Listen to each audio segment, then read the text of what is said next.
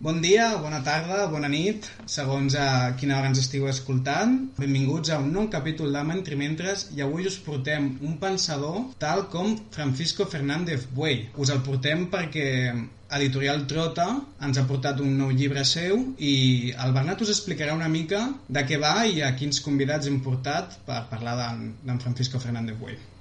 Eh, hemos invitado al, e-, al, editor de esta edición que nos ha regalado la editorial Trota, que es sobre izquierda alternativa y cristianismo emancipador. Es una edición que se ha publicado este año en la editorial Trota. Repito, la edición es de Rafael Díaz Salazar, profesor de la Universidad Complutense de Madrid. Buenos días, buenas tardes, buenas noches. Estos de los podcasts que no sabemos nunca cuando la gente nos escucha. Nos centraremos un poco en la edición esta que nos presenta el libro sobre izquierda alternativa, cristianismo emancipador. Eh, empieza con un prólogo que has escrito tú mismo y después está conformado por tres capítulos. El primer punto que queríamos subrayar es la presencia de esta, esta forma tripartita y si nos puedes contar de entrada cuál es el motivo, cuál te llevó a pensar el pensamiento, estos escritos de Fernández Buey en estos tres grandes bloques.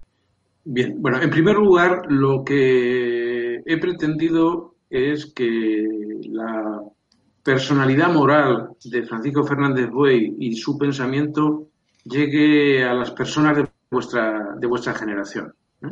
Porque me parece muy peligroso la distancia generacional que existe entre las personas, como en mi caso, que estamos eh, en torno a los 64, 65 años, hay personas un poquito, un poquito pasadas incluso de madurez, eh, madurez biológica al menos, y personas jóvenes con muchos intereses sociales, culturales, políticos, estéticos, humanísticos, científicos también, y que en mi Facultad de Ciencias Políticas y Sociología desconocen quién era Francisco Fernández Boy, que para mi generación ha sido un pensador y una persona absolutamente esencial en nuestra trayectoria intelectual, cultural y política. Eso, eso por un lado. Abrir un hueco digamos, eh, entre las personas jóvenes. Y en segundo lugar, esta obra publicada por Trota se inserta en una serie de libros póstumos que han ido editando Salvador López Arnal y Jordi Mir. Ellos muy sabiamente han ido articulando eh, textos de Fernández Boy, pues es un autor que fue muy prolífico, que escribió muchísimo y que no recogió en, los libros monográficos que fue publicando durante su vida, nada menos que 20, y, así ha surgido pues, libros como para la tercera cultura, que más bien es la edición del libro, póstumo que él sí hizo, pero libros posteriores, pues, pues uno reciente sobre barbarie y movimientos sociales, otros sobre federalismo, otros sobre Marx a contracorriente, otros sobre la revolución de 1917, y yo vi que había un tema mm, relevante en su obra, que era el de las relaciones entre la izquierda alternativa y el cristianismo emancipador. Y como había ese hueco, pues decidí eh, hacer esta propuesta a la editorial Trota, que fue acogida con satisfacción por el editor y después de dos años de trabajo, pues en febrero ha visto la luz. Me preguntabais antes sobre la estructura del libro.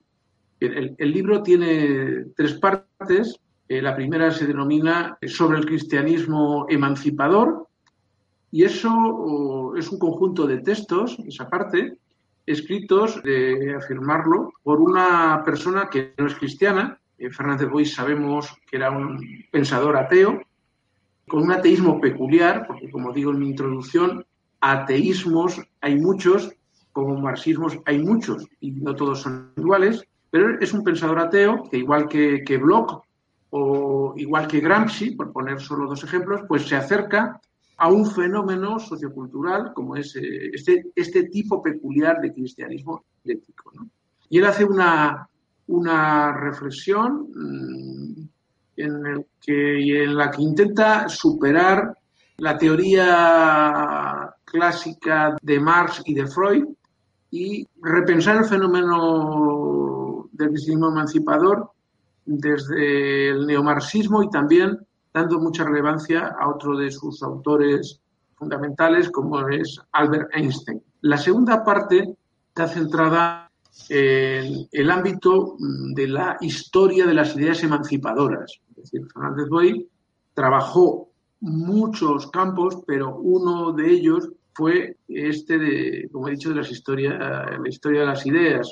Antes, hablando con vosotros, me, habéis hablado que una asignatura sobre utopías y revolución, algo así, pues os hicieron leer escritos suyos del libro que publicó eh, el viejo topo sobre ilusiones y utopías. Y ahí se centra en tres personajes que han sido fundamentales en su trayectoria intelectual y también en su trayectoria política, que son por un lado Bartolomé de las Casas. A mí me llama poderosamente la atención que el intelectual marxista más relevante en España desde que el marxismo entró en nuestro país, dedicara gran parte de su tiempo y de sus energías a estudiar la obra de aquel religioso dominico llamado Bartolomé de las Casas. Ese libro se llama La Gran Perturbación, está agotado, pero lo va a reeditar este año el viejo topo. Y mm, según Joaquín Sempere, que es otro pensador, profesor universitario, compañero de Fernández Boy en los años, en los primeros 60 en la organización universitaria comunista y evidentemente clandestina, pues eh, Joaquín Semper dice que esta es para él su obra de, de madurez. Eh, luego, si queréis, podemos profundizar en algunos de estos temas. La segunda persona en la que se centra dentro de esta segunda parte es Simone Bale, filósofa de prestigio. Muchos autores consideran que las tres grandes mujeres filósofas del siglo XX han sido Simone de Beauvoir, Anna Arendt y Simone Weil. Él dijo en la que fue su última entrevista que Antonio Gramsci y Simone Weil eran las dos personas que más le habían impresionado, que más le habían llegado a lo más profundo de, su ser. Y la tercera persona pues está muy vinculada a la Universidad Pompeu Fabra, a vuestra Facultad de Humanidades, que es José María Valverde. José María Valverde fue su segundo gran maestro. Primero, sin duda, fue Manuel Sacristán. Y Valverde es una persona de, mucho relieve, mucha influencia en Fernández. Y finalmente, la tercera parte, desde la que hay que leer las primeras, es he intentado sintetizar pensando en personas fundamentalmente de vuestra generación y quizá de, alguna que ande en torno a los 30, sintetizar en, tres grandes y extensas entrevistas, que es un género muy apropiado, y en una larga carta, sintetizar, repito, lo que era su pensamiento sobre una izquierda alternativa a las provenientes de las tradiciones socialdemócratas y de las tradiciones comunistas de la Tercera Internacional. Entrando uh, quizás un poco más en profundidad en, en, alguno de los capítulos y haciendo así un poco de, de preview del libro, aunque obviamente no, no podremos hablar todo lo que nos gustaría de, de, todo el libro, porque obviamente es muy extenso y, en ella se conjugan muchas ideas interesantes y diferentes. Yo quería preguntarte primero, especialmente sobre el concepto de utopía que está insertado en, en este primer capítulo, y cómo este concepto al que, al que Fernández Buey quita y pone según la manera en la que piensan diferentes colectivos, diferentes grupos marxistas, diferentes grupos cristianos respecto a esta idea y cómo se posicionan respecto a ella, cómo está insertada en este primer capítulo, que es un poco el de la relación entre el marxismo y el cristianismo, este concepto de utopía hace de puente entre, entre estos dos grupos. Bien, lo primero que llama la atención es que un marxista, aunque fuera tan heterodoxo y hereje como Fernández Buey, se preocupe por la utopía, porque el marxismo se presenta como socialismo científico ya desde Engels, y tanto Engels como Marx criticaron durísimamente al socialismo utópico. Entonces, a mí en primer lugar fue, fue una sorpresa. Pero luego, ya recapitulando, te estoy hablando de hace muchos, muchos años, ¿no? me di cuenta que dentro de la tradición marxista, quien recupera la temática de la utopía desde claves estrictamente marxistas es Ernst Bloch. ¿eh? Bloch es uno de los grandes eh, clásicos de la filosofía marxista por ahí es por donde Fernández Boy hace una conexión entre marxismo y utopía, en base a este gran pensador que publicó oh, dos libros muy interesantes, El principio Esperanza y Thomas Minzer, eh, teólogo de la Revolución, más otros, pero estos son los dos fundamentales. Entonces, mm, la concepción de, utopía en Fernández Buey es muy deudora de la concepción de Bloch de lo que él llama sueños diurnos y utopías concretas. Para Fernández Buey, utopía no es, igual a, a, quimera o a una falta de fundamentación científica de la praxis política. Hay que tener en cuenta que tanto Manuel Sacristán como Fernández Boy conciben el marxismo como praxeología racional, una praxis, pero basada en ciencia ¿eh? y en reflexión. Entonces, dentro, dentro de una concepción de la racionalidad como la que tenía Fernández Boy, que no era cientificista, sino que se basaba, como se sustitula a su libro La ilusión del método, como racionalismo bien temperado ahí sí entra la utopía como sueño diurno que tienen especialmente quién? Pues quienes viven en situaciones de empobrecimiento y de desesperanza por las condiciones materiales de vida muy fuertes. Esas personas tienden, como señaló Paulo Freire en su Pedagogía del Oprimido, a interiorizar su condición mm, de seres que no tienen futuro, seres sin futuro. Entonces por ahí aparece esa idea del sueño diurno como la capacidad de no dejarse castrar por un sistema de, explotación y de opresión y aspirar, aspirar a una sociedad de iguales radicalmente distinta.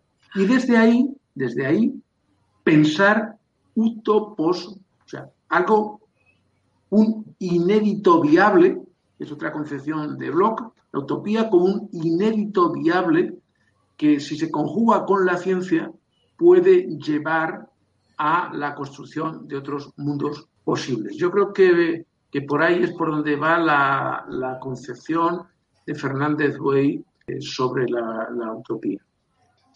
nos hablabas de esto, de que habías descubierto esta relación entre una izquierda alternativa y un cristianismo emancipador y esto fue lo que te llevó a, editar un libro de, con este contenido, ¿no? Y quizás lanzándole primero la pregunta a Jordi, pero os la lanzo a los dos. Pero, pero eh, un, perdona, una, una matización sí, sí, importante. Yo no descubro nada. Sí, sí, sí, claro, claro. Yo, constato, yo constato en las obras y escritos de Fernández Buey que él, él hace ese tipo de conexiones y establece y descubre ciertas lo podemos denominar afinidades selectivas. Totalmente, totalmente. es una cosa mía, yo simplemente soy editor de sus textos. Totalmente, totalmente. Bueno, pues lanzándole esta, esta pregunta a Jordi y yendo más hacia la figura de, Francisco Fernández Buey, cómo sus acciones políticas ya desde joven, formando parte del Sindicato Democrático de Estudiantes de la Universidad de Barcelona, y, y este contacto de, que se puede ver en el libro con algunos cristianos que luego se pasan al marxismo siendo cristianos todavía o dejando de serlo, han podido llegar a influir en, su pensamiento político y le han hecho llevar a, incluir estas especificidades del cristianismo en, esta posible conjunción que se pueden dar entre dos grupos. Y si quieres, puedes responder primero tú, tú Jordi.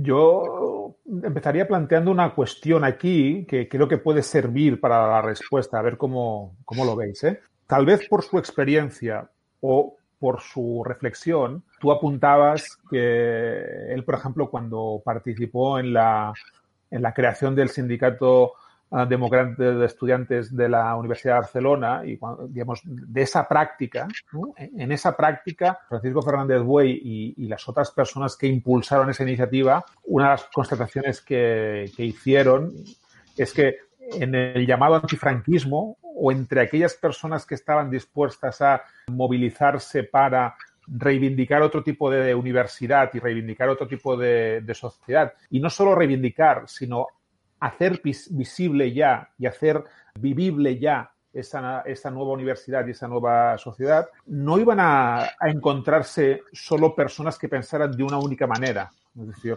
no iban a encontrar las personas que, que participaban de esa, de esa, inquietud y que estaban dispuestas a, a movilizarse y hacer posible esa, esa, utopía, no eran personas que eh, tuvieran unas únicas ideas eh, políticas o unas mismas ideas políticas. Y yo creo que eh, su constatación entonces es que las personas que estaban dispuestas a desarrollar ese proyecto o esos proyectos podían venir de lugares muy diferentes, con ideas significativamente diferentes, y que eso no era un impedimento para trabajar en un proyecto compartido. Y creo que eso hizo que Fernández Buey fuera una persona que resultara, digámoslo así, de referencia o que fuera bien valorada desde sectores muy diferentes, desde, desde sectores de iglesia, desde el cristianismo, pero, por ejemplo, él que se reivindicaba como comunista, pero con un ánima, con un alma libertaria muy potente, unía o era capaz de unir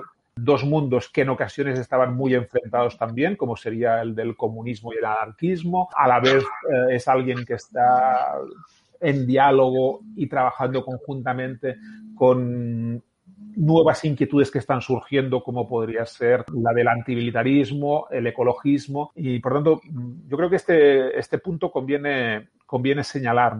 Digamos, lejos de, de posiciones si queréis llamarlo así, identitarias, a, Fernández Buey y a otras personas de esos, de esos años o de esa época, uh, lo que les mueve es por decirlo de algún modo, los proyectos compartidos, en que más allá de dónde vengas, cómo pienses, eh, lo importante es lo que hacemos conjuntamente.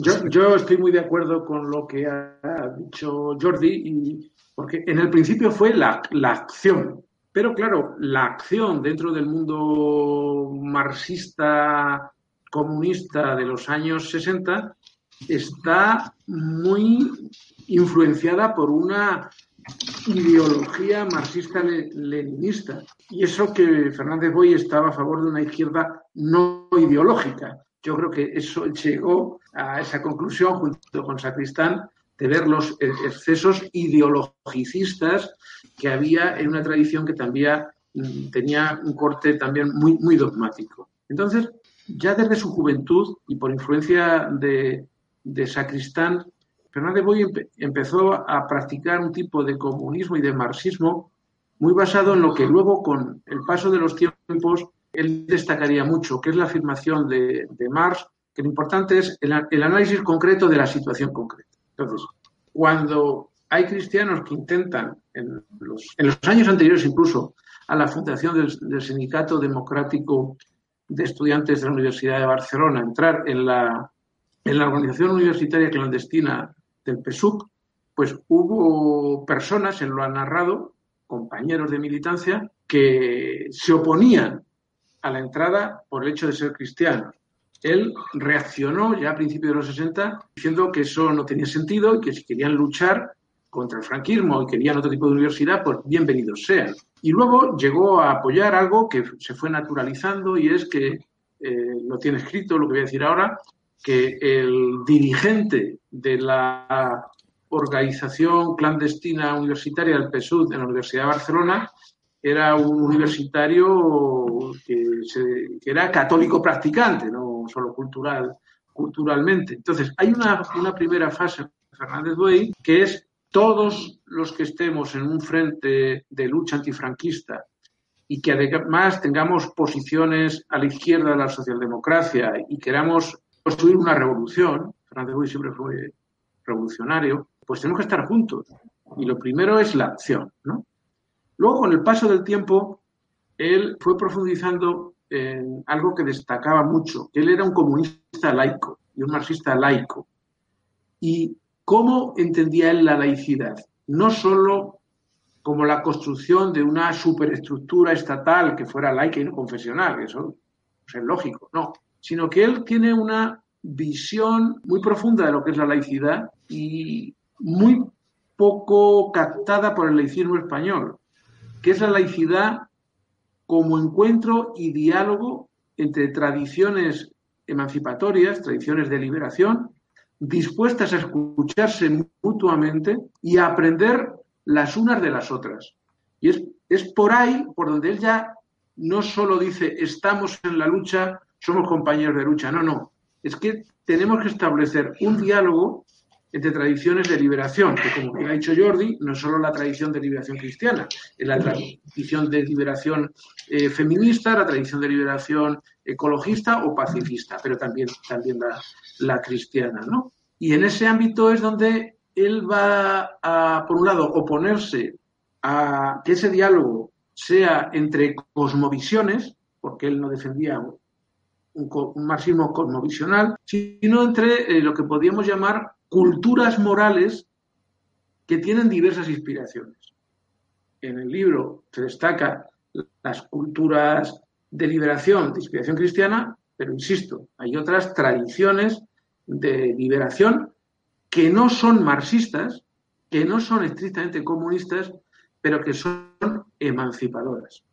Y hay que recordar que una de las culminaciones de esta concepción laica de su comunismo es que él, al igual que Sacristán en la década de los 60, decía algo que todavía a, algunos de sus seguidores no termina de comprenderlo, y es que él y Sacristán igual se consideraban fundamentalmente comunistas y que el marxismo pues era algo secundario, importante, muy importante, pero algo secundario.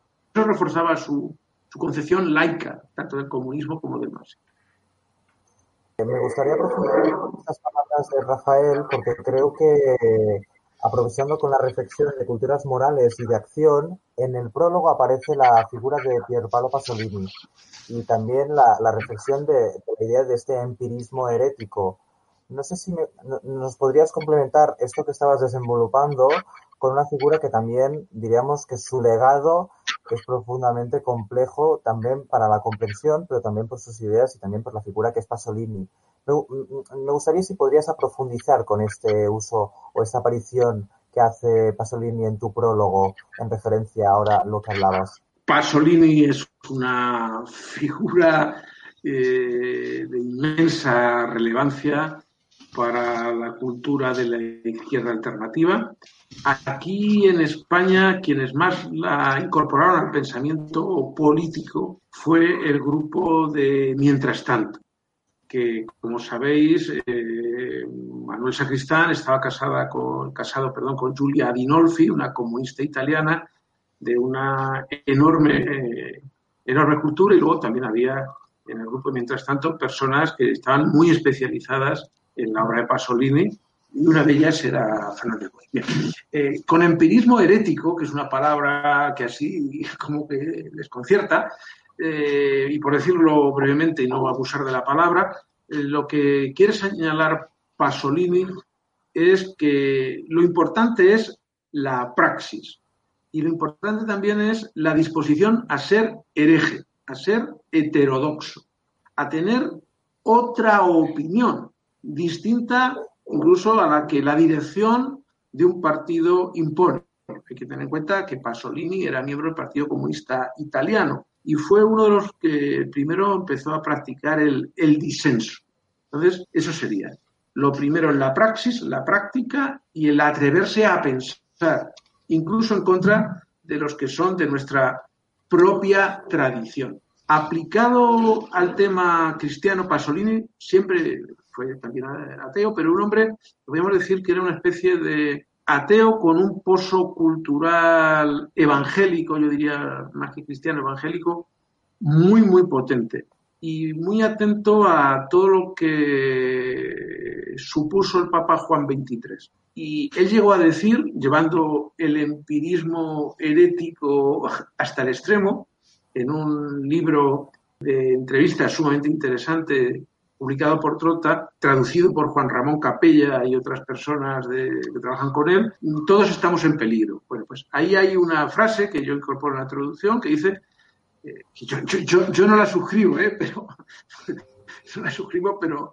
pero la noto, ¿no? Porque nada menos que Pasolini dice que todo lo que Marx ha escrito y pensado sobre la religión es como para cogerlo y tirarlo, que no, vale para nada, ¿no? Y dice, y salvo en eso, en todo lo demás lleva razón. Por ahí un poco va el empirismo herético. Y para mí, Fernández Boy, que fue el que me descubrió el término empirismo herético, que luego tuve que buscar dónde venía, pues fue otro empirista herético. Fernández fue un hereje de cualquier tradición. Muchas gracias, Rafael. Yo creo que siendo Francisco Fernández Buey un pensador que le gusta mucho delimitar, tocar, especificar, que haya, para que haya un buen diálogo entre todas estas tradiciones. Creo que tú también lo has sabido especificar y, apuntar y describir muy bien para entender bien su pensamiento. Y ya más pasando al otro bloque, que estaba más, más, más centrado en, Jordi Mir, y, con esto ya acabamos el programa. Yo quería preguntarte, Jordi, a nivel más de, tú quizás como alumno de, de Francisco Fernández Buey, y haciendo un poco de referencia a lo que ha dicho al principio del programa Rafael, de este seguir una herencia generacional y quizás siguiendo un poco una línea de Manuel Sacristán, Francisco Fernández Buey, quizás tú después, pero bueno, cada uno con, con su persona, ¿no? ¿Cómo nos, nos, nos, recomendarías a nosotros, los jóvenes, a seguir indagando en el pensamiento de Francisco Fernández Buey? Quizás otros libros, quizás otros temas que él toca y que cree que son importantes y tú que lo conoces bastante bien y, que, que, has tenido muy buena relación con él, ¿cómo, cómo nos guiarías a nosotros? es una, una pregunta. Es, una gran pregunta y, una enorme responsabilidad. Sí, sí, sí. sí. Eh, yo, a ver, yo diría que uno, uno se tiene que sentir muy libre para, acercarse en cada momento a, aquello que, le pueda apetecer y, aquello en lo que pueda sentirse cómodo. Por ejemplo, yo recuerdo mis primeras experiencias leyendo a Manuel Sacristán y, no eran muy satisfactorias. Es decir, me, costaba entrar en, determinado lenguaje que no acababa de entender. Y bueno, eh, al final luego todo, todo acabó fluyendo y, por ahí momentos en que surgen eh, o continúan surgiendo dificultades, pero bueno, cada cual tiene que tener su experiencia. Cuando murió Francisco Fernández Buey hubo un, un grupo de estudiantes que aprovechando que muchos de los materiales, o algunos, no muchos, algunos de los materiales, pero que acaban siendo muchos que Fernández Buey había escrito que estaban en la red, articularon un, espacio que es eh, la Biblioteca Buey, que es como, como estudiantes nos referíamos a, a lo que luego era Paco cuando eras amigo suyo, ¿no? Digamos que, eh, o sea, por un lado, Fernández, Francisco Fernández te decía, llámame Paco, pero como estudiantes siempre era el buey, no era el Fernández Buey, era el buey, ¿no? El, el buey ha dicho esto, ¿no?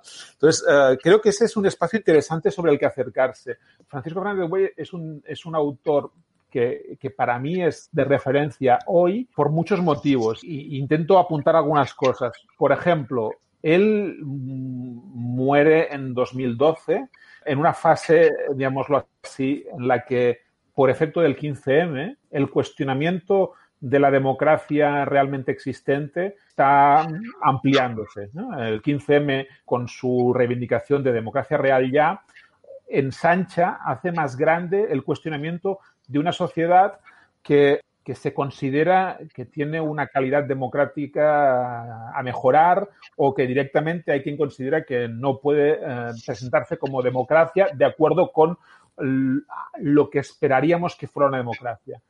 Y eso es algo que, por ejemplo, Fernández Buey dijo durante las décadas anteriores y que lo dejó escrito y que en diferentes de sus obras trata de eso. Y seguramente habló de eso en un momento en el que pocas personas y pocos proyectos políticos sintonizaban con esa idea. Luego, el giro de los acontecimientos y la movilización de la que en parte él participó, pero que luego, en los últimos años de su vida, no, en la que no pudo estar, creo que enlazan muy bien con, con sus reflexiones y con sus aportaciones. Lo que ocurre es que, de acuerdo con una idea que él también trabajaba y que le parecía importante van a destiempo. ¿no? Él a veces nos, hablaba o escribe sobre las verdades que conocemos a destiempo o las, las realidades que, que, no coinciden y al no coincidir ese potencial de algún modo se pierde, ¿no? O se podría perder. Fernández Buey, por ejemplo, en sus reflexiones sobre, sobre la democracia, es un autor eh, muy vigente. ¿eh? Hay un libro que comparte con Jorge Richman, aunque se dividen, digamos, los contenidos, que serían ni tribunos, que mm, visto desde hoy, nos puede quedar lejos porque está hablando de unos años, los 90, que a lo mejor eh, no forman parte de nuestro referente. Pero leyendo la parte de Fernández Buey y la de Jorge Richman también es muy interesante desde la perspectiva más ecológica, es un libro, creo, de gran vigencia por cómo cuestiona o plantea las crisis de la democracia que luego nosotros estamos viendo también en una fase posterior o en una fase en que eso se ha agudizado. Por otro lado, creo que Fernández Buey, de acuerdo con Jorge Riemann, con Sacristán y con otras cosas que han ido apareciendo en el, en el programa, es un autor que nos, que nos tiene que servir para pensar hoy la crisis ecológica y social que estamos viviendo. Porque y esto es algo que en lo que a mí me gusta insistir, corremos el riesgo de pensar que hoy hablamos de ecologismo y hoy el ecologismo ha conseguido pasar un poco de los márgenes a la centralidad porque la situación hoy es muy grave. ¿no? Y como la situación es muy grave, hay mucha gente hablando de ecologismo. No, si hoy hay mucha gente hablando de ecologismo es porque muchas personas o algunas personas han conseguido que esos asuntos pasen a una centralidad que antes no tenían. Porque la gravedad de lo que nos ocurre estaba diagnosticada antes. Y es verdad que cuanto más tiempo pasa, más grave se hace la situación. Pero si no hemos hablado de ello antes, es porque siempre ha habido o negacionismo o resistencia a que estos asuntos fueran tratados. Y gentes como Fernández Buey, Sacristán antes, eh, son introductores del ecologismo y del pensamiento ecologista en nuestro país y gracias a ellos hoy tenemos más herramientas para pensar en algo que es esencial sin querer dar lecciones a nadie, porque no se trata de eso, sino intentando solo aprovechar un poco la experiencia que podemos tener. No pensemos que si hoy estamos consiguiendo hablar mucho de algo, es porque hoy es más urgente hablar de eso. No, hoy es más urgente, pero si hemos conseguido hablar de eso es porque alguien antes ha abierto camino. Y entonces no hay que irlos a leer porque abrieran camino y porque haya que rendirles culto por haber. No, no, simplemente hay que leer, o creo que vale la pena leerles o que nos ayudará a leerles porque continúan teniéndonos cosas que decir. Nos explican uh, lo difícil que va a ser todas estas ideas emancipatorias que antes hablabais, ¿no? Lo, lo difícil que es que se concreten lo difícil que es que llevarlas a la práctica, las resistencias que hay que, que hay que superar, pero también nos enseñan que no es la primera vez que nos enfrentamos a ello, que no estamos solos, que aunque en un momento determinado pensemos que somos los primeros que, que tenemos que pensar sobre según qué realidades, hay otras personas que las han pensado, aunque fueran diferentes antes, y aunque hoy no estén para hablarnos del futuro, nos pueden acompañar en ese proceso. Podemos dialogar con, con ellas para tener más herramientas. No nos van a dar la respuesta de los problemas que tenemos hoy, pero nos pueden enseñar a ver con otros ojos y nos pueden ayudar a tener más elementos para el juicio, para el debate, para, para la acción. Y como decía, pienso en, la crisis de las democracias eh, realmente existentes y la reivindicación de una democracia que no tenemos. Pienso en, la cuestión ecologista, pienso en el, en el papel importante de los movimientos sociales, que esto acostumbra a estar muy maltratado, es decir, los movimientos sociales importan cuando nos convienen y luego, mm, si no los podemos utilizar, más bien eh, dejamos, eh, pasamos de ellos. Hoy vivimos una fase de gran movilización social, pero en parte los partidos políticos, por ejemplo, eh, los usan o se acercan a ellos en función de sus, de sus intereses.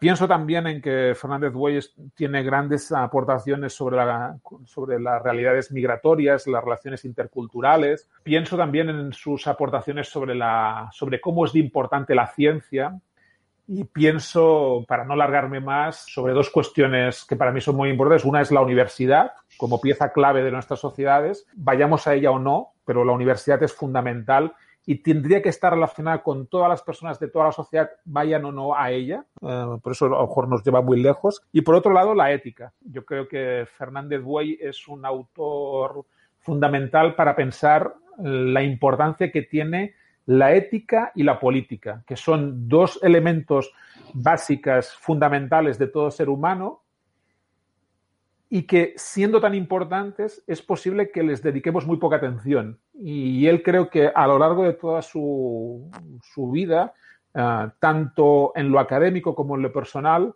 siempre tuvo muy presente la importancia de la ética y de la política y, y, y, de lo, necesario que es que una sociedad uh, pueda tratar esas cuestiones ¿no? que, y que podamos ponernos de acuerdo más allá de nuestras posiciones sobre la importancia que tienen como sociedad ciertos acuerdos sobre lo ético y sobre lo político. Yo creo que, que no se puede resumir mejor y en este abrir camino, bueno, esperamos que, que nosotros también con este pequeño programa y este pequeño capítulo hayamos podido abrir un poco de este camino.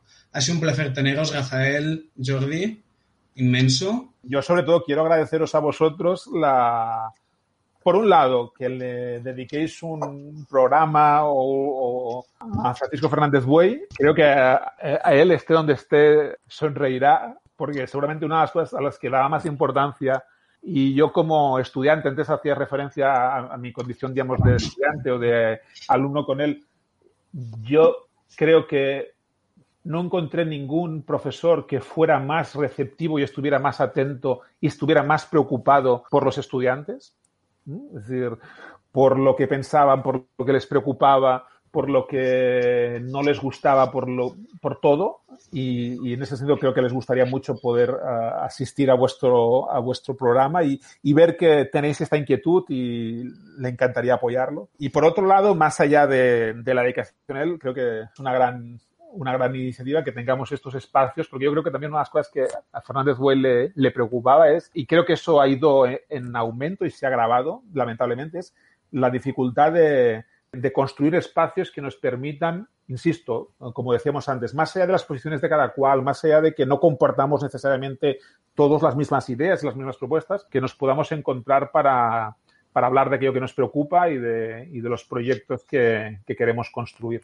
Moltes gràcies. Moltes gràcies, Jordi. I res més, uh, ja sabeu on ens podeu trobar, a Twitter, arroba mentrimentres barra, mentri barra baixa mentres, i fins una altra.